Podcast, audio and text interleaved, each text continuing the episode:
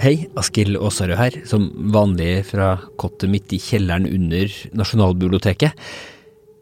Om du ikke har hørt episode nummer én av Hørespillkrigen, så vil jeg virkelig anbefale deg å stoppe nå, gå tilbake og start der. Om du er med videre nå, så skal du få høre episode nummer to, som vi har kalt Ildgrub-affæren. Du hører på gamle greier. Behind my wife in the doorway was my friend, Anders. He had a pistol in his hand. It was all as, as unreal to me as a Wild West movie. Og Petter har betrodd meg. Han har geværene i annen etasje på kraftstasjonen.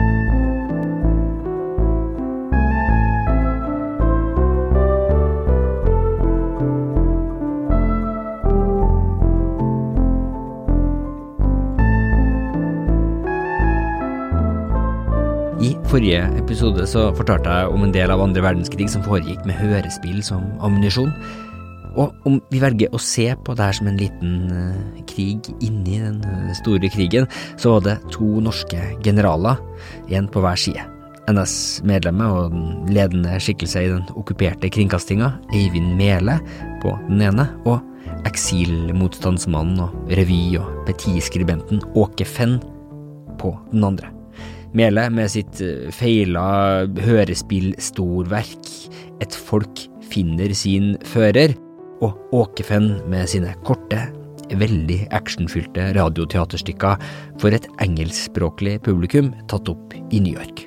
Små adrenalinkuler som det ble påstått var basert på ekte krigshendelser fra Norge.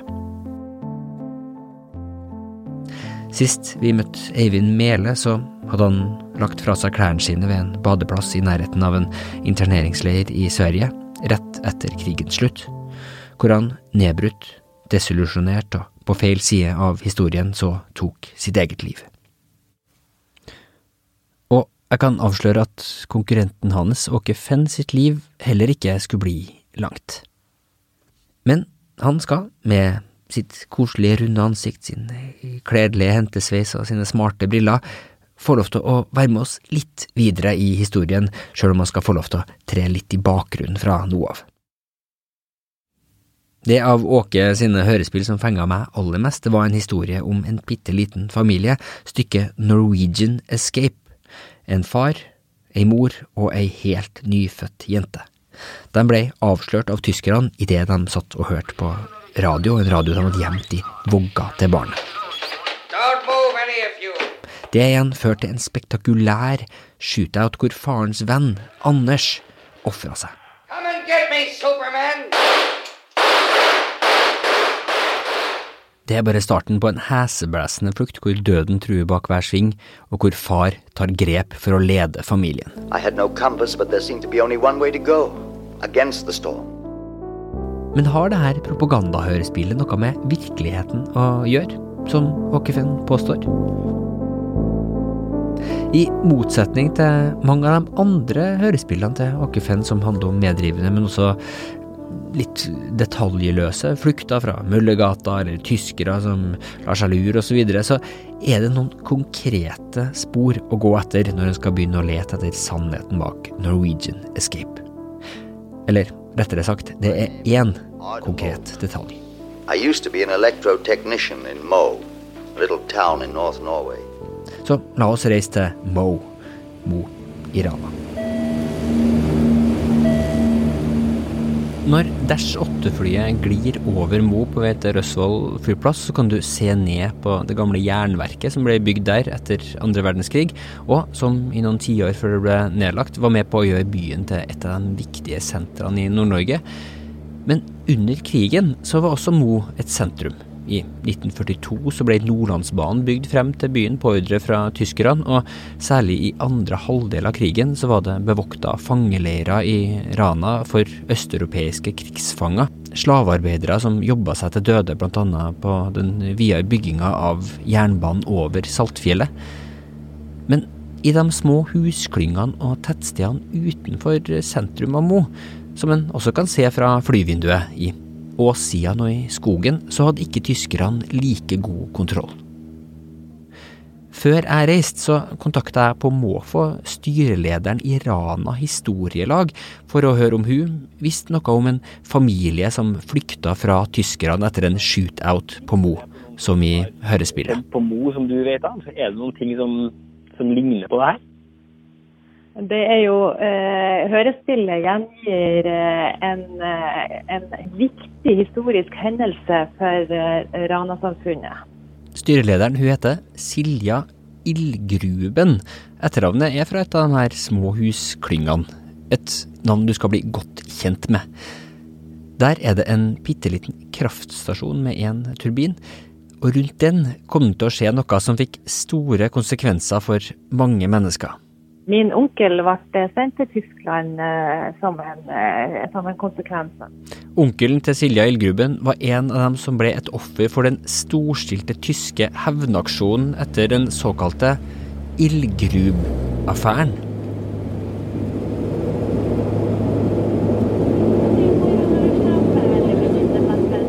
Og det viser seg at for å forstå sannheten bak hørespillet Norwegian Escape, så må du forstå Ildgrub-affæren. Ildgruben var for oss uh, litt ei sånn eventyrbygd. Og for å forstå Ildgrub-affæren, mente Silja, så må du snakke med én eldre herremann på Mo, forfatter Tor Jacobsen. Skal alt det her som skjedde her gå i glemmeboka, så er det, så er det noe som er umistelig, som er gått tapt. Tor Jacobsen er en gammel mann, han er i sitt 90. år og har jobba som journalist i regionen siden 1948. Jeg møtte han hjemme hos han i en rødmalt enebolig i Mo sentrum. Han er dårlig til beins, så han var godt planta i en stressless da jeg møtte han, med alt han trengte av telefoner og medisiner i håndsrekning unna. Han var klar i hodet der han satt, med brillene ytterst på nesa. De som var involvert, gikk så sterkt inn på dem at de ikke snakket om det.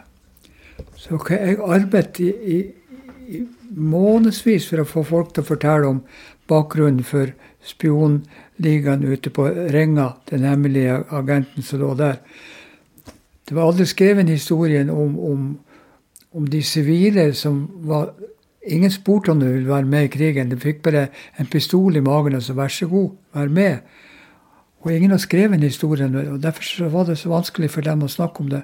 Det samme var med den Eilgruve-affæren jeg skulle skrive den boka der. Tor Jacobsen er forfatter av ei bok med en dato som tittel, 5. april 1943. Han hadde aldri hørt om hørespillet til Åkerfen, og det skal sies, det var det virkelig ingen jeg snakka med i letinga etter sannheten bak det hørespillet som noen gang hadde, men Tor Jacobsen mener det må handle om en helt konkret flukt som starta den dagen han har skrevet hel bok om. Men i så fall så viser Fenn sitt hørespill bare en ørliten flik av sannheten.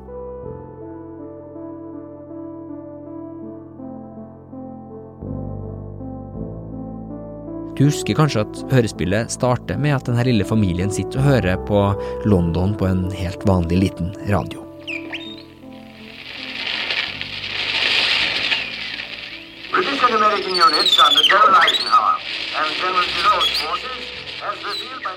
Men det var noe mer enn en helt vanlig radio som skjulte seg i huset den dagen. Et lite år før hendelsen 5. april 1943, i juli 1942, så glei Vingtor, et lite topropellers Catalina sjøfly, inn Melfjorden ved Svartisen, ikke så langt fra Mo. Der skal blant andre motstandsmannen Ole Snefjell Snefjellå ha blitt ilandsatt, en av de i ettertid legendariske motstandsmennene i Nord-Norge. Han skulle ha ansvar for to sterke radiosendere, Crux 1 og Crux 2. Planen var å få en av dem satt ut lokalt, og den andre frakta opp lenger nord. Så kunne han rapportere tilbake til England om Tirpitz, et av de to aller største slagskipene i den tyske krigsmarinen, som ble flytta rundt langs norgeskysten fra Trondheim til Alta. Så, så reiste de nordover og skulle, og skulle plassere senderen i, i kyst, kystplass på, på, kysten av Troms. Men han, han, kompisen hans han, han svikta. Han ville ikke være med lenger, han ble redd, han rømte til Sverige. Og de fant ingen som kunne ta den der senderen. Sånn at han, og den, den, var jo stor. Det var jo som en, som en, som en stor reisekoffert. Så han Ole Snefela han måtte reise tilbake med den der senderen. Og han husk annet, det har jeg vel skrevet om i boka, når han satt på, på, på, på, Hurtigruta og, og, brukte den der senderen som kortbord, spilte kort med tyskerne. Sånn at da var det spørsmål hva, hva skal du med den der senderen? De forsøkte å gjemme på samvirkelaget på Mo og noen andre forskjellige steder, men de var redd for at det var for nært den bevokta byen, og at de ikke kom til å få jevn nok strømforsyning til at senderen skulle fungere som den skulle. Men så fikk de kontakt med en ung mann. Han som var stasjonsbestyrer på Ildgruvefossen kommunale e-verk, kraftstasjon. Petter Gruben. Det var en 21 år gammel mann som du alt har møtt, men da het han Anders. Behind my wife in the doorway was my friend, Anders. He had a pistol in his hand. It was all as, as unreal to me as a Wild West movie. My wife started swaying, and Anders caught her just as she fell.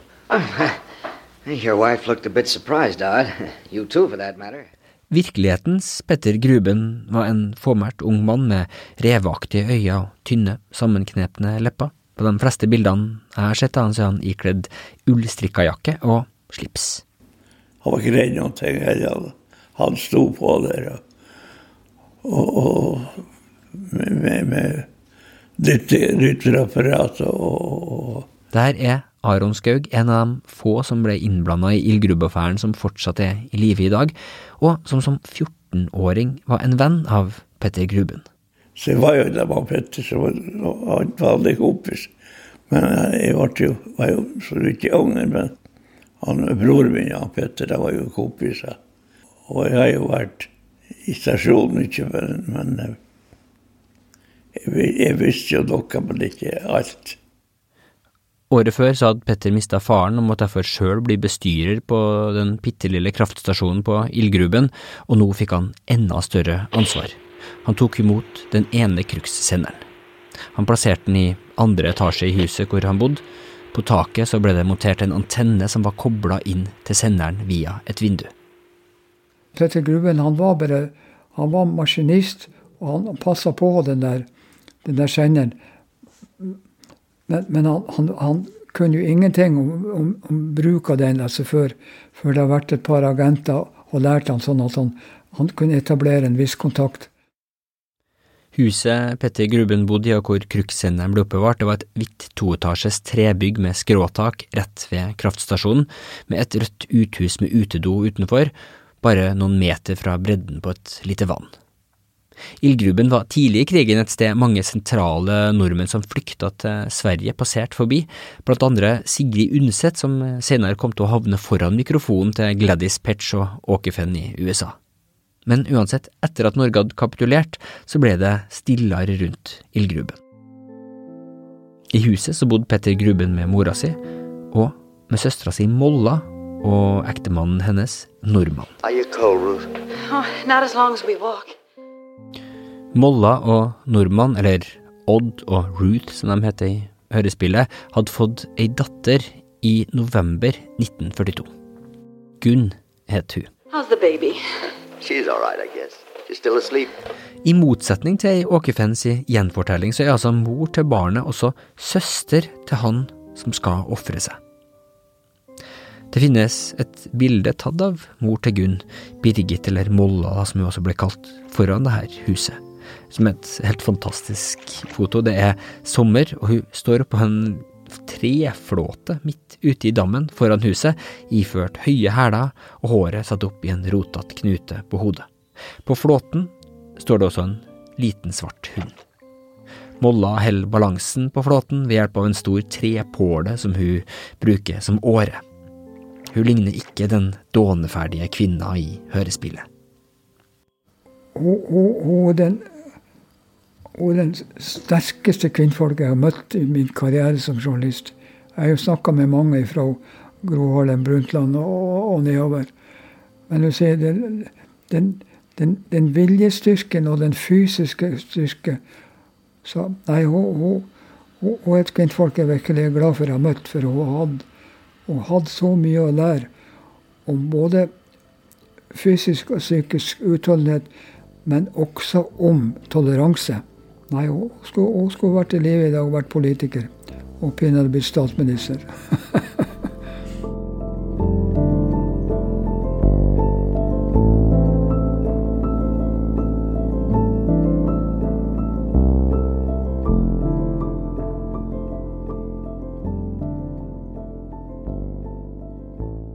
Akkurat de her månedene, rundt tida da Gunn ble født og da krukssenderen kom til ildgruben, det var ei prekær tid for motstanden i Nord-Norge. De aller fleste motstandsgruppene på Helgelandskysten hadde blitt utradert etter at Gestapo, bl.a. med hjelp fra Rinnanbanden, i september 1942 klarte å spore opp grupper som hadde mottatt utstyr fra britene. Petter Gruben satt derfor nokså alene med en sender han egentlig ikke skulle ha hatt, og ikke var godt nok instruert i å bruke. Det ene Petter Gruben hadde gjort på egen hånd for å forberede seg, det var å lage en slags bæremeis i tre av en ombygd sekk og ei trekasse, hvor niesa Gunn kunne få plass. Kvelden 5. april 1943 så lå snøen fortsatt tett, og det blåste opp til uvær. I ildgruben så var ei gruppe ungdommer og unge voksne samla. De skulle høre på radio, for i tillegg til krukssenderen så hadde de en ulovlig radio på ildgruben også. Kanskje hadde den samme vennegjengen vært samla noen måneder tidligere og hørt på Eivind Meles eh, propagandaverk da det ble sendt, og kanskje trukket litt på smilebåndet. Hvem vet. Men de radiosendingene de ville høre, kom ikke fra Norge. De brukte å møtes der og høre på London hver dag klok kveld klokka sju. Og de satt og hørte på dum, dum, dum, dum. Dette er London, nyheter på engelsk. Dette er London. Denne sendingen går på langbølgen 1500 meter. På en bølge 19 Og så sendte de jo særmelding. Grisen har en, en avbrutten fot og sånn og sånn og sånn. Sånn at de som, som, som venta på særmeldingen, de fikk klar beskjed på den måten. Du kan lite på. To. Et langspyd i neven. Ryktet om denne ulovlige radioen hadde spredd seg bl.a. til ei lokal kvinne som kjente en nazioffiser. Det som nå følger, er basert på gjenfortellinger fra overlevende som var til stede i og rundt maskinistboligen den kvelden. Den beretninga er annet skrevet ned i Tor Jacobsens bok og en rekke andre lokalhistoriske tekster. Rundt klokka halv åtte har Molla lagt Gunn i ei vogge i andre etasje. På vei ned så ser hun gjennom gangvinduet tre tyskere på hvite ski på vei mot inngangen. Hun roper ned til Petter i stua, snur i trappa og springer oppover. Hun river ut antenneledningen som leder ut til antenna på taket, og forsøker så febrilsk å finne et sted å gjemme kofferten med krukssenderen. Hun prøver først å legge den under Gunn i vogga, men ungen ble liggende for langt opp, det ville ikke lure noen. Så i motsetning til i hørespillet, så ender hun opp med å sette den i et hjørne med noen brukte strømper slengt oppå istedenfor. Så setter hun seg ned ved senga. Nede i stua så holder to tyske soldater de andre under oppsyn. Opp trappa så kommer en av de tre tyskerne. Molla peker på den gråtende ungen i vogga og sier krank. Soldaten, som nå står rett ved den tildekte krukssenderen, sier medfølende ah, og snur i døra og går ned igjen. Soldatene beordrer så Petter Gruben opp i andre etasje, hvor de begynner å ransake huset. Men før de finner senderen, så gjør de en annen oppdagelse. Inne på et kott så finner de en engelsk pistol. Tyskerne virker å være lamma et lite øyeblikk, de trodde altså det her skulle handle om en helt vanlig radio. Nå har de åpenbart kommet på sporet av noe mye større. Men før de får tenkt videre, så benytter Petter muligheten. Han kaster seg ut av vinduet i andre etasje og ned på snøen nedafor. I bare sokkelesten så springer han bort til kraftstasjonen hvor turbinen står og durer. Tyskerne skyter etter han fra vinduet, men bommer. De kommanderer deretter alle mennene som var til stede, ut foran huset, hvor de stilles opp langs husveggen med hendene over hodet. Inne i kraftstasjonen så hadde Petter Gruben i et hulrom i veggen gjemt to Krag Jørgensen-gevær. Aron Skaug var en av dem som før hendelsen hadde fått sett denne hemmeligheten. Og Petter har betrodd meg. Så var en lag med Petter. Han hadde værende i annen etasje på kraftstasjonen. Han gikk inn i kraftstasjonen i første etasje. Og så trappa opp. Og i annen etasje der, der har han ikke mange gevær, det vet ikke jeg. Men, men han hadde mer enn ett, i hvert fall. Med geværene så stormer Petter Gruben ut av kraftstasjonen, kaster seg ned bak ei gran mellom kraftstasjonen og huset. Han sikter og skyter en rekke skudd. To tyskere faller over ende. Den tredje springer mot huset, avfyrer flere skudd, men treffer ingen. Samtlige av gjestene rømmer ut i skogen. Petter Gruben, fortsatt bare i sokkene, springer rundt til de andre husene i nærheten.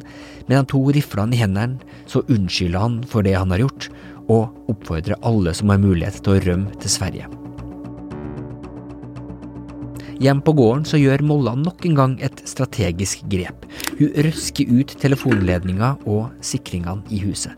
Den gjenværende tyskeren oppdager det her, og innser at han ikke kan ringe etter forsterkninger fra huset, og han rømmer derfor ut et bakvindu og ut i skogen. Dermed er det nå bare Molla, nordmann, Petter og Molla og Petters mor som er igjen. Og sjølsagt fire måneder gamle Gunn som er oppe i krybba. Alle, bortsett fra bestemora, begynner nå å kle seg opp for å rømme til Sverige. De tar frem bæremeisen som Petter Gruben har laga, de henter ned Gunn fra loftet. Ungen har bare føtter, tøybleie, kortbukse og ei trøye på seg. Molla trer på henne ei skinnlue. Petter vil ut og hente de gode skiene sine som han har stående ute i boden. Han ber nordmann gå opp og hente pistolen og pengeboka hans på loftet. Så går han ut.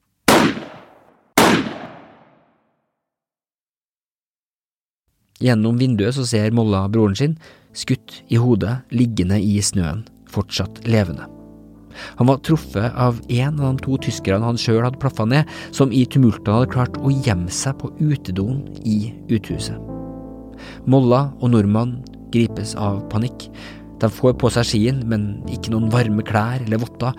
Molla har bare tynne silkestrømper i BXM-skoen og ei fanakofte på overkroppen. Så rømmer også dem ut i skogen. Nordmann med Gunn på ryggen i bæremeisen. Ute i den råtne vårsnøen så kaver de seg rundt. I 1943 så var det en såkalt storsnøvinter, så det var enorme mengder snø. De gikk i store sirkler, tidvis baklengs for å forvirre tyskerne som kunne følge etter sporene deres. De kom seg frem til en gård de kjente godt, oppi gården i Gåskjønlia. Der får de votter. Gunn blir pakka inn med uvaska ull i meisen. Men de voksne får ikke noe flere klær eller noe ordentlig niste. Nordmann mener de er i Sverige om noen få timer.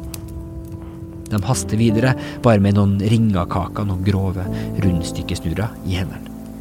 På dette tidspunktet så er Molla nesten utilsnakkelig, helt bortreist, ifølge en av dem som møtte henne på gården. Det siste hun sier før de haster videre, er jeg tenker noe mest på han som ligger der i snøen. De vandrer i retning Sverige og inn i uværet.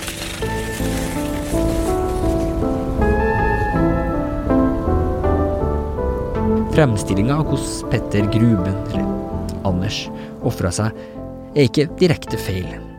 Men virkeligheten er ikke like enkel og kjapp som i hørespillet. Get me, Superman! I den forlatte maskinistboligen i ildgruben er mor til Molla og Petter igjen alene. Sønnen hennes ligger og blør i snøen utenfor. Hun hadde sagt at hun skulle spille dement når tyskerne kom. Og vi vet ikke så mye mer om detaljene som foregikk akkurat her før den tredje tyskeren kom tilbake. Ifølge Tor Jacobsen så kommanderte han da en av naboene til å hente en slede for å kjøre de to såra tyskerne inn til Mo. En han? spør sledesjåføren til tyskeren og peker på Petter Gruben som ligger fortsatt levende i snøen. Niks, sier tyskeren, i alle fall om vi skal tro sledeføreren. Han er ingen god kamerat. Så kolber han i hjel Peter Gruben med geværet.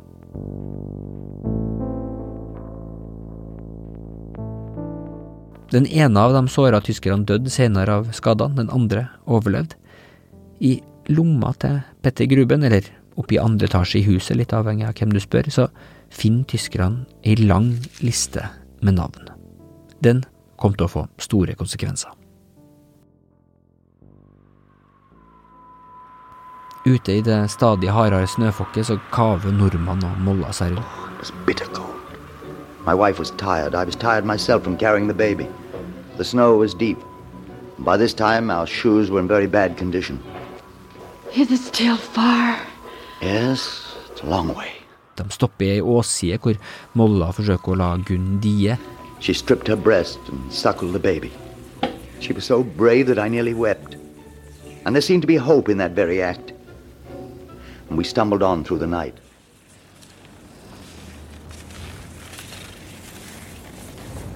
De går fremover, men ser nesten ingenting. De kjenner foran seg med skistavene for å unngå skavler.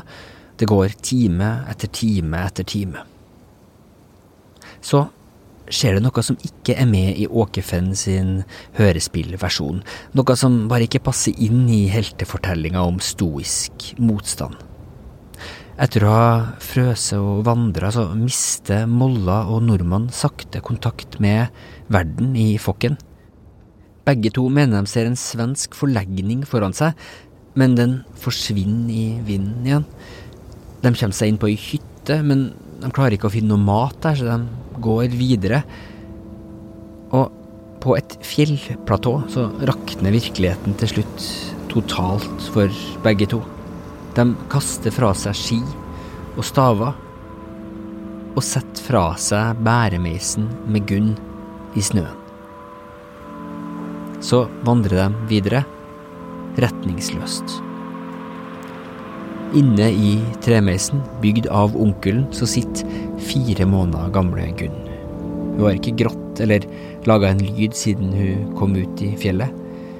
Hun er helt stille i ullkokongen, mens et lag snø sakte legger seg over henne.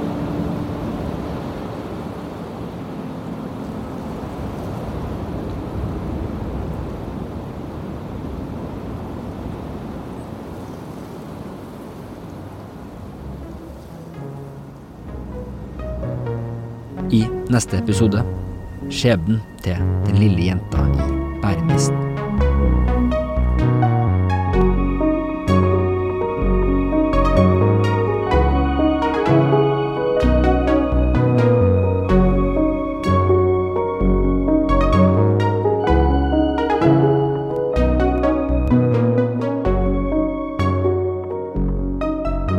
Episoden ville ikke vært mulig uten boka og samtalene med Tor Jacobsen. Boka hans heter 5. april 1943. I tillegg til den boka så har jeg støttet meg på nedskrevne vitnesbyrd gjort med flere av dem som ble ramma av hendelsen på ildgruven, og som jeg altså fikk tak i blant annet via Rana Historiedag og Silja Ildgruben, og noen andre nedtegnelser som vi skal snakke litt mer om seinere i denne serien. Takk også til Aron Skaug og familien hans for å ta seg tid til å snakke med meg. Hørespillene fra Spirit of the Vikings de fant jeg altså i Kringkastingsarkivet på Nasjonalbiblioteket. De opptakene de ble gitt til NRK, som overførte dem på bånd, før Nasjonalbiblioteket på 90-tallet digitaliserte dem.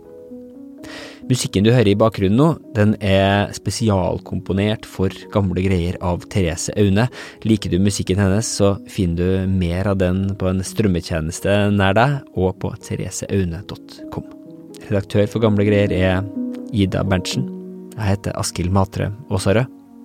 Vi høres. And so until next week, when we shall have another interesting program for you, this is Gladys Petch saying adieu.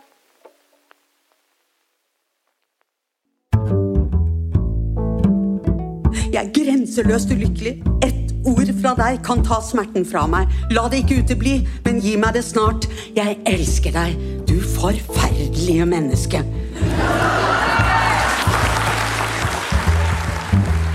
Podkasten NB Arrangement er en stor og stadig voksende samling av arrangementer vi har hatt på Nasjonalbiblioteket.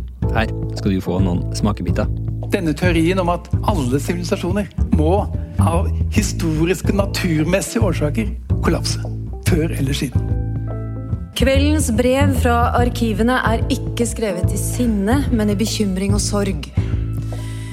Dypt personlige historier fra mennesker som kom før oss. Jeg ville så gjerne ha skrevet om stormannsgalskap og høyspent dyrkelse av det såkalte åndsmennesket, og også kunstneren med stor K, men det fikk jeg ikke plass til i kveld, og det er klart at det må bli et fremtidig foredrag. Det er viktig at vi ikke bare ser på dagen i dag ut fra gårsdagens erfaringer, men også ser på den i lys av morgendagens muligheter. Ingen er tjent med å rygge inn i fremtiden. Så jeg innførte fra første dag den regelen at alle møter begynner presis. Og så tok vi først sakene til dem som ikke var kommet. Neste dag var dere alle sammen. Kanskje jeg til og med hadde vært litt sånn Ikke så ivrig på å henge noen under en orm som drypper eter etter ragnarokket. Jeg vet ikke, kanskje. Det er jo gøy med sånne folk òg. Jeg har som livsmotto at den kvinne som har vært elsket, hatet og misunt, har levd et godt liv.